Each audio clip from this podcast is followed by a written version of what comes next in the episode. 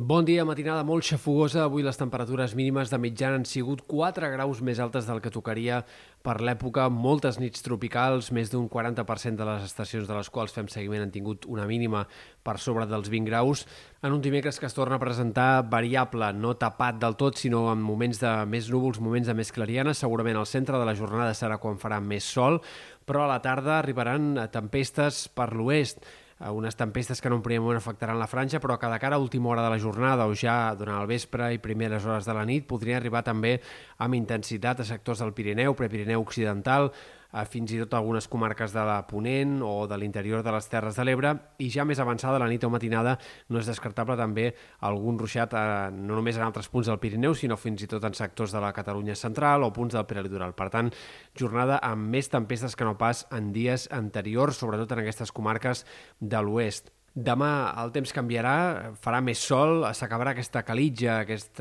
cel enterbolit, enrarit que hem tingut els últims tres dies i en tot cas quedarà alguna tempesta de tarda més aïllada, en aquest cas al Pirineu Oriental, sobretot entre el Ripollès, la Garrotxa o la Serra de l'Albera, fenòmens més aïllats. De cara a la rebella i al cap de setmana el temps serà molt estable, predominat pel sol, tindrem ben pocs núvols i per tant l'estabilitat que serà la gran protagonista amb unes temperatures que a curt termini baixaran, com a mínim pel que fa a les temperatures nocturnes. Els pròxims dies farà més sol i això afavorirà que les màximes al migdia siguin altes, però en canvi de nit farà més fresca. Així arribarem, per exemple, divendres i també la nit de rebella encara serà eh, com a mínim normal per l'època o fins i tot puntualment una mica més fresca del que tocaria potser en algunes comarques interiors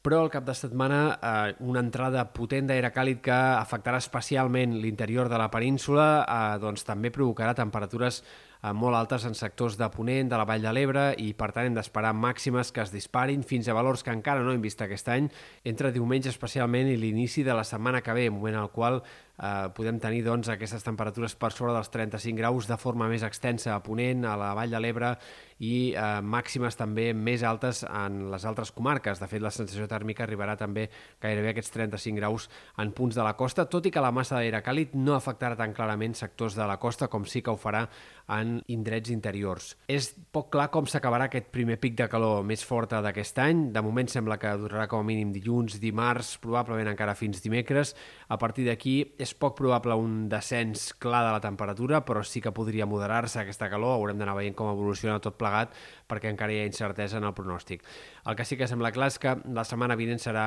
poc moguda pel que fa a l'estat del cel. La primera part de la setmana seguirem en predomini del sol i en tot cas potser a partir de dijous hi hagi més possibilitats d'algunes tempestes de tarda al Pirineu, però de moment no hi ha indicis clars d'un canvi de temps important. Per últim, destaquem d'avui també a la situació marítima i el vent. Avui tornarà a bufar una mica de gregal. Això mantindrà el mar alterat en molts sectors del litoral català i, per tant, eh, un dia més seguirem amb mala mar o amb onades com a mínim destacables en molts sectors de la costa. A partir de demà això canviarà, entrarà tramuntant en tot cas a l'extrem nord de l'Empordà i a la resta de la situació marítima començarà a millorar.